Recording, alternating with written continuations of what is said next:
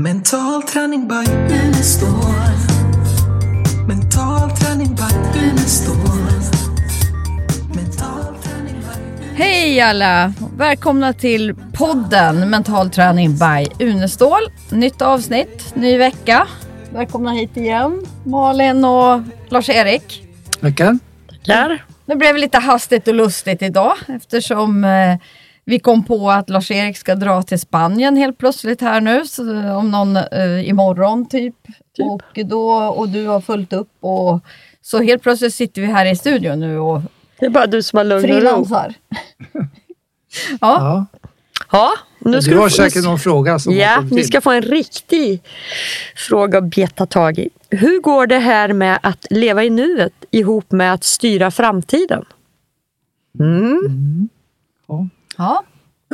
ja, det är en bra fråga för att eh, vi, det är ju inte bara mindfulness som pratar om att leva i nuet utan det gör ju vi också och eh, Helene, vi har pratat om ditt program som heter Omedveten närvaro som också har med leva i nuet att göra.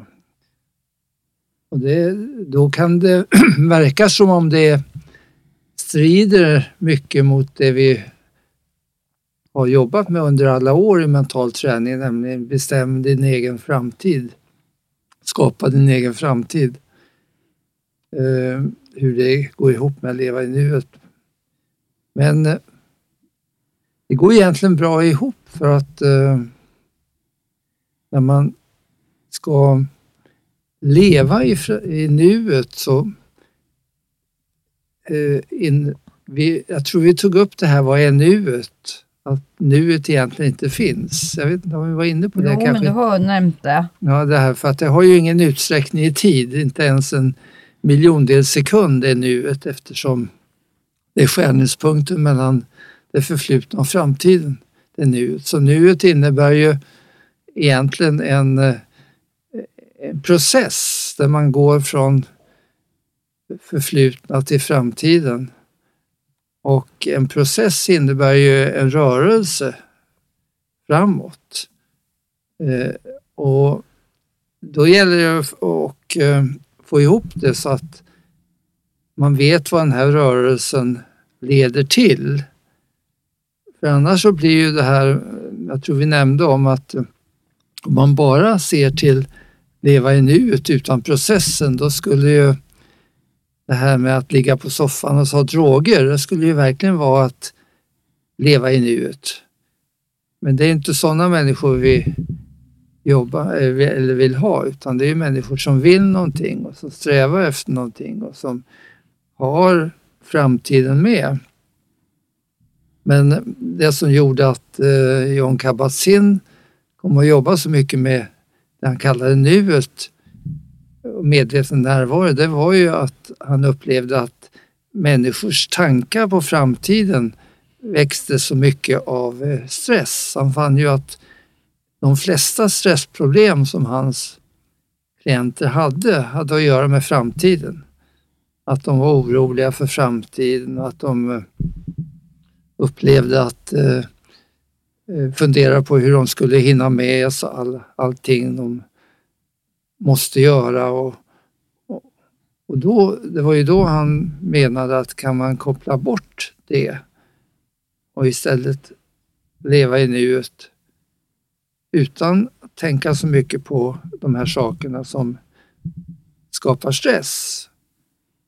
Eh, och så byggde han ju upp då eh, mindfulness på det sättet. Men jag träffade honom flera gånger och, och han menade aldrig att man inte skulle jobba med framtiden. Det bästa är ju om man skapar en framtid som inte orsakar stress och där man kan leva i nuet på vägen mot målet utan att fundera så mycket på. Och vi var ju inne på det här med eh, att det bästa är kanske att man låter framtiden komma till sig istället för att sträva för mycket. För att försöker man för mycket att åstadkomma saker, då kan det bli tvärtom. då bör man grubbla och tanka, eh, tänka och analysera. Och vi nämnde det här med att eh, på tankens dag så pratade vi om att tänka eller inte tänka, det är frågan. Det vill säga i många sammanhang så behöver man överlämna åt automatiken utan att behöva tänka. Till exempel idrotten som vi pratade om. Och det innebär ju att man förs mot ett mål men utan att behöva analysera och tänka för det skapar ofta stress och, och trötthet och så vidare. Så att den här kombinationen att ha en framtid som man styrs mot. Men då kommer ju det som är vårt unika sak som skiljer oss från väldigt många andra och det är att vi jobbar ju inte bara med framtiden genom att bestämma vår framtid utan vi för över det till bilder, målbilder och sen gör vi målprogrammering. Och när den är gjord då styrs vi mot framtiden utan att behöva fundera så mycket på den. Då styr den ju eh, automatiken 90 procent av vårt liv mot det som vi har bestämt. Men det kan jag uppleva. Dig Helene, du lever ju lite som det här uttrycket, som, eller frågan som ställs, eller hur? Ja, jag tycker det. Jag, ja, men jag har tränat upp mig så att jag fokuserar på det jag ska göra i nuet och så struntar jag i allt annat och så får gå, går jag på nästa, nästa sak. Men samtidigt att, har du rätt- bestämt framtiden. Rätt mycket, alltså Ja. vart du vill. Ja. Det jag tycker är viktigt också att få med en aspekt på, eh, det är ju det här att städa upp i sitt förflutna. Att neutralisera sånt som, som har varit jobbigt. Och det kan man göra genom mental träning och det kan man göra genom att man skapar nya ankare till exempel, eller triggers, kollapsar gamla, och liksom programmerar om sig. Så att man har städat upp dåtiden. Och sen planerar man och sätter mål för framtiden. Eller en riktning åtminstone. Eh, Och I början är man inte van att sätta mål, då tror jag det är bra att ha väldigt konkreta, tydliga, mätbara mål. Det hade jag i början. Sen har det ju gått över till mer större mål som är mer eh, värdebaserade och mer, eh, ja, en, mer en riktning. Och när det är gjort, då lämnar man över eh, till kroppen och sen lever man i nuet. Mm. Och Det gör ju att oavsett vad som händer under en dag, så finns det en slags inprogrammering. Vad är bäst att göra i den här situationen? Mm. Ja, det är intressant du säger det för att eh, eh, när det gäller framtiden så finns det ju egentligen två sätt att, att, att jobba. Det ena är ju det som är vanligt, det är att man gör upp mål eh, som ofta är långsiktiga mål och eh, ja, livsmål, långsiktiga mål och delmål. Och då har man ju, då har man ju fördelar med det men samtidigt har man ju nackdelar med det här med bröllopsdepression som vi var inne och pratade om. Det här att luften går ur när man har nått ett delmål, svårt att fortsätta till nästa. Samtidigt så finns det ju här andra sättet att se på framtiden som du var inne på nu. Att man har en vision och sen, som visar riktningen. Och sen låter man den visionen visa den riktning man är men utan att göra upp så mycket av bestämda eh, projektmål. Och det, är- det är ju väldigt, eh, det är också stressbefriande att ha det på det sättet för att mål kan alltså skapa stress också Mm. eh, hos många om de inte är programmerade. Mm. Eh, för då har man programmerat det, då, då, då blir det som du säger, då förs man mot det utan att behöva känna stress för de här delmålen. Samtidigt, är, är man inte van att jobba med mål, så tror jag att det är bra, en bra introduktion eh, till en människa, att man faktiskt sätter tydliga mätbara mål och så bör man ju göra saker för att det ska hända. Och när det händer att man når målet, då är det precis som kroppen förstår att det här fungerar. Och ju mer man gör så, desto mer upplever jag i alla fall och många som jag har coachat att, att det blir mer värdebaserade mål när du har Mm. nå- uppnått ett antal konkreta mål som är mätbara. Mm.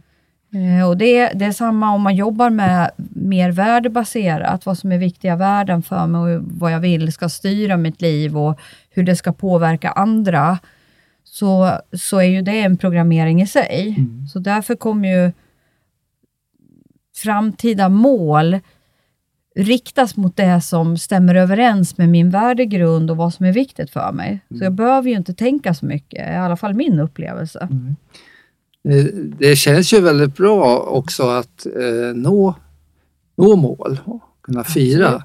Det är inte bara det att luften går ur utan också det är glädjen över att nå mål. Och där, där eh, propagerar vi ibland för den här babystegmetoden då.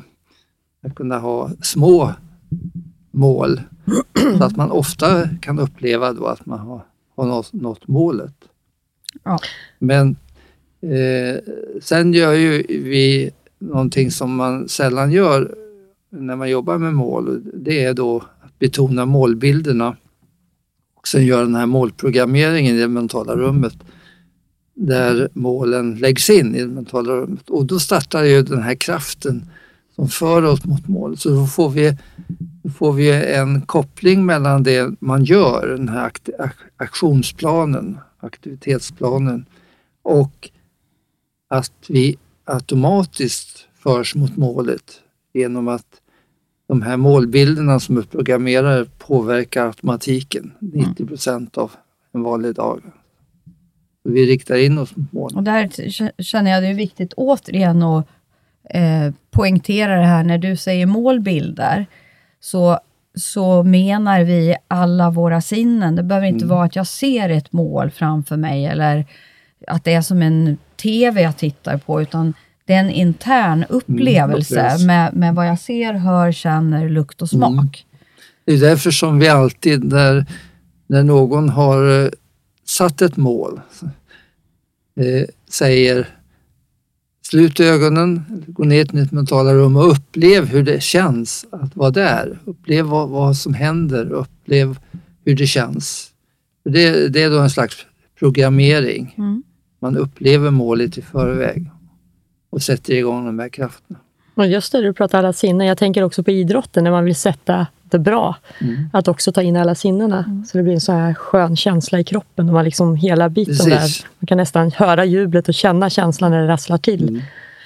Idrotten, eh, idrotten går ju, i en tävling går det ju från att, att skapa de här mer intellektuella eh, målen och sen skapa bilderna av vad som ska hända fram till att man får känslan som gör att det händer. Det är därför man i idrotten pratar så mycket om att har jag den rätta känslan, då händer det. Har jag flytet, då händer det av sig självt. Då behöver jag inte tänka. Och eh, så att där går- eh, går bilderna över i känslan som styr. Och då behöver man inte varken ha tanken eller bilden på det som ska hända för då, då finns det med i känslan. Vad har du för mål, Lars-Erik, eh, de närmaste åren? Mm. Det kan Ja, vara bra för mig att få veta det.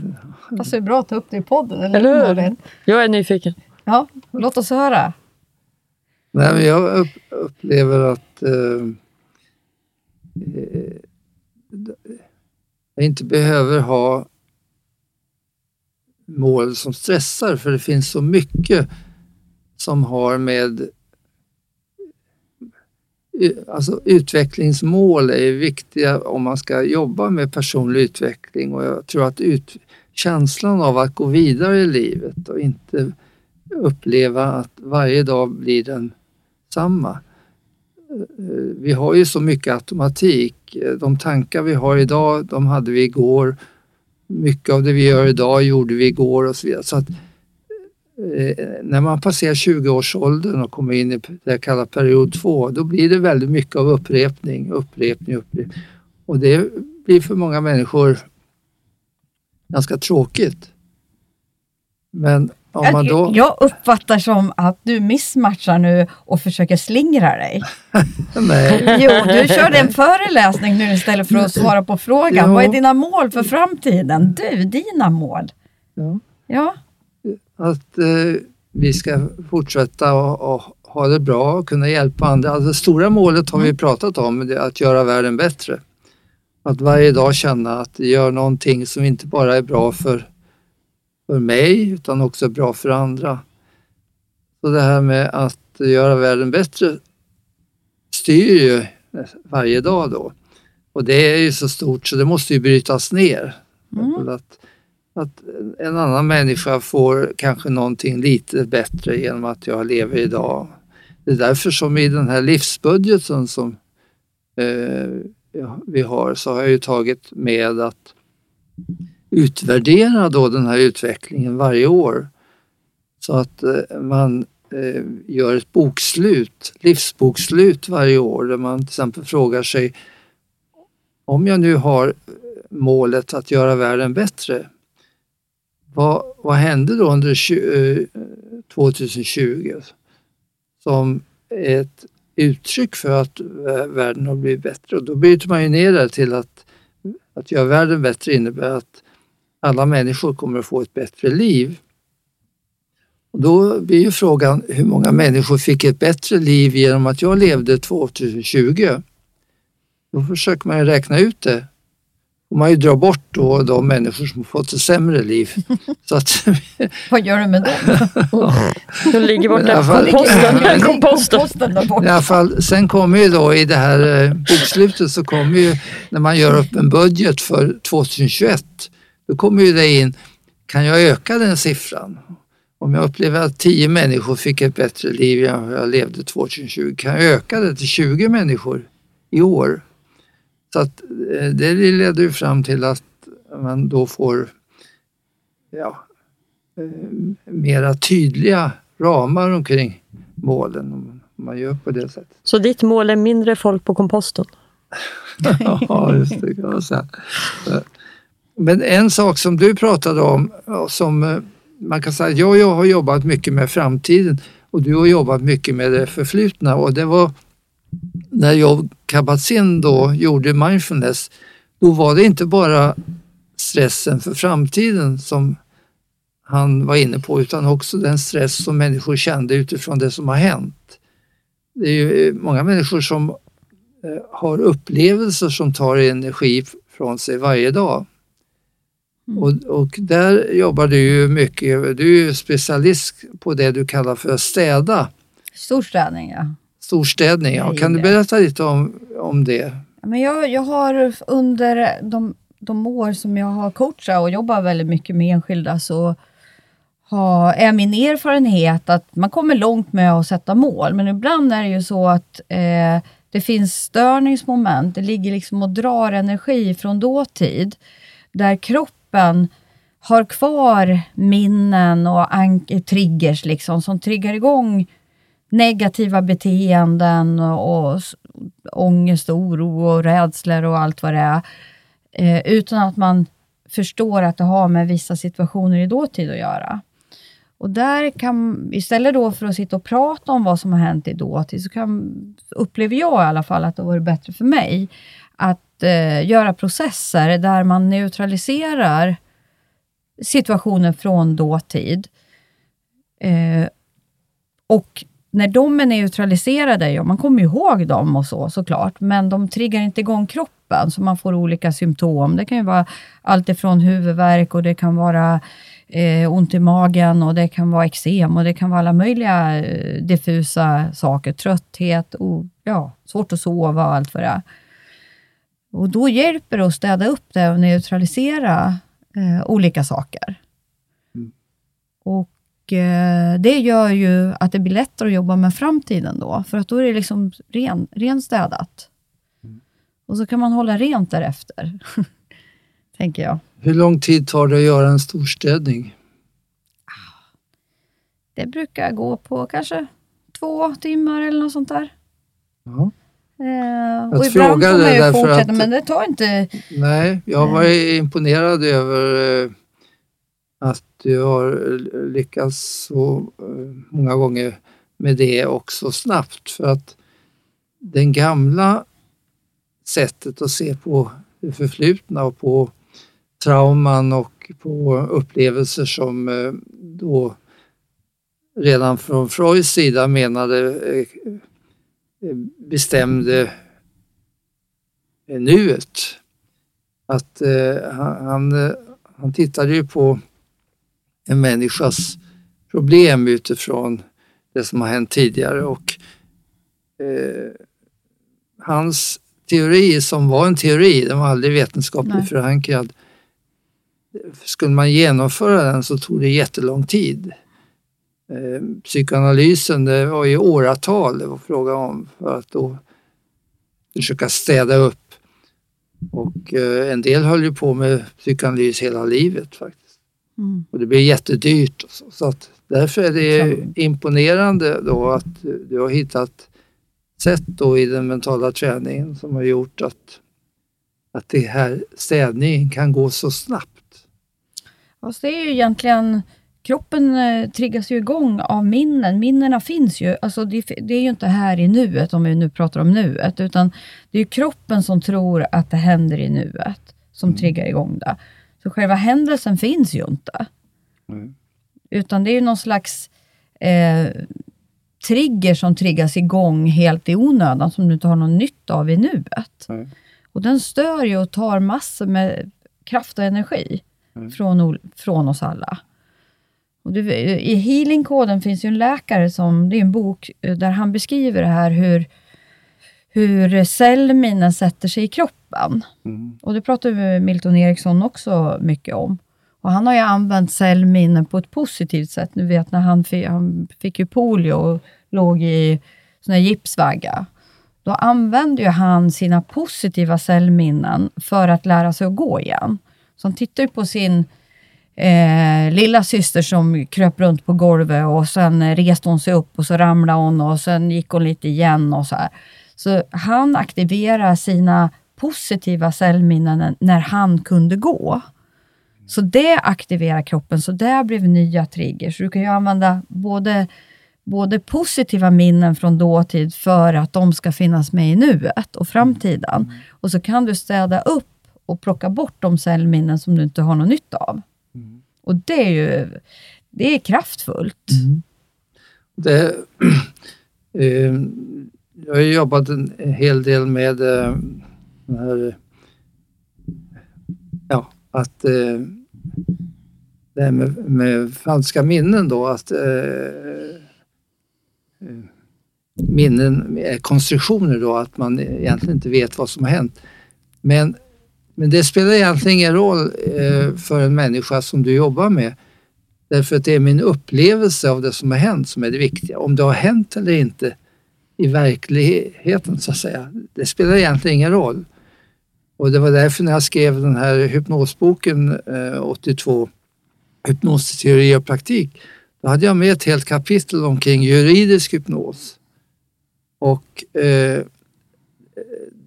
det har ju visat sig då att, att eh, det spelar ingen roll om det har hänt eller inte. Det viktiga är att jag upplever att det har hänt och då måste jag jobba med att få bort de effekter som det har gjort. Däremot juridiskt så har det stor betydelse om det har hänt eller inte. Mm. där fick man skilja väldigt mycket från att jobba med en människas upplevelser oavsett om det har hänt eller inte. Mm. Och domstolsförhandlingar där man ska komma fram till om det har hänt eller inte. Så att, eh, det är en mm. intressant skillnad då. Mellan... Ja, mm. det här var lite, nu hade vi inte så gott om tid idag. Nu har tiden gått. Nu har det gått uh, typ en halvtimme. Ja. ja. Eh, vi har ont om tid idag, så vi, Spännande, men vi skicka in mycket frågor så lovar vi att vi ska hålla på lite längre nästa gång. Då. Ja. Ja, och Lars-Erik får skicka ett vykort. Kan man göra det fortfarande? Ja, just det. Vad är det nu för hemligt uppdrag i Spanien? Ja. ja, jag kan tala om vad det går ut på. Ja, gör det. Mm, ja. Låt oss höra. Det är ju så att eh, som många vet så har vi haft eh, mycket kurser utomlands Eh, och vi upplever att det är en stor fördel att kunna lägga en kurs utomlands för att man är tillsammans eh, dygnet om och man lär känna varandra på ett helt annat sätt. Ja, det är sätt. fantastiskt. Man, ja, du har ju varit med Mm, Malin på, på Mm. det i Thailand då. Och vi har haft då eh, kursgårdar i Thailand eh, och har fortfarande kvar och i Costa Rica och sen har vi haft på Mallorca.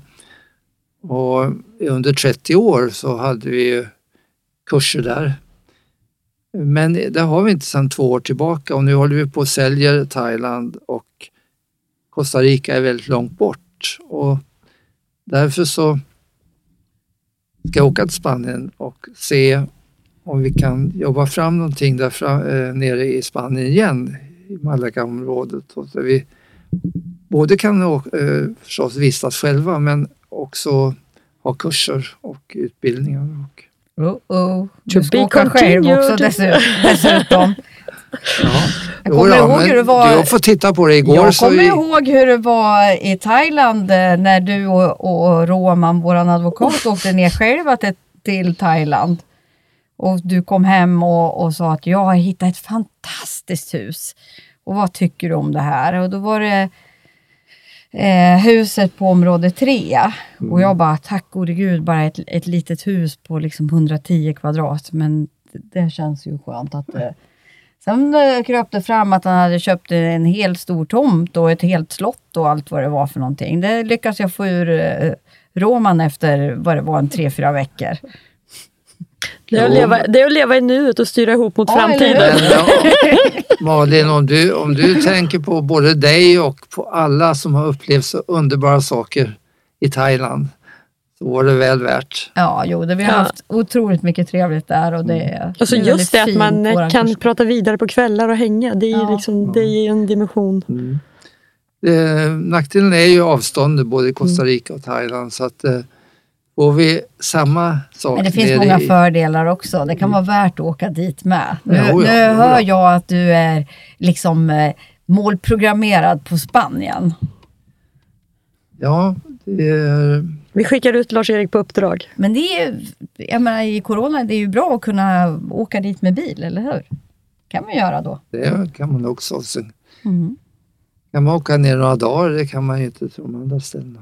Kanske kan ta en mental resa dit en liten sväng. Dessutom är helt andra priser också. Nu måste ju bjuda på dagens roligaste, eller hur Helena? Alltså, jag gör det du gör. Dagens roligaste. Elene håller vi ska ju ha utbildning och det är viktigt med coronasäkerhet. Och, så Elene testade de nya visiren man ska ha på utbildning. Munvisir. Munvisir. Men hon hade satt upp och ner och stoppat in näsan. Jaha, Näsan stack ut. Nio dagar i eh, näsan i ett hål. Det det kommer bli vara skavsår. Nässår. Ja, Ja, det var ja, du fantastiskt. höll på att skratta ihjäl Ja, det var Ja, magiskt. Den ska nog inte vara på det här viset. nej, jag hoppas ni tar på Vi bjuder på den. det på Ja. rätt sätt. To be continued. Okej, då får ni ha det så bra alla lyssnare och tack för att ni lyssnar. Och eh, ska vi ta e-mailen också? Ja, fragor 1 unestal.se. Mm. Ha det så bra. Hej då! Mental träning by Unestål. Mental träning by Unestål. Mental träning by Unestål. Mental träning by Unestål.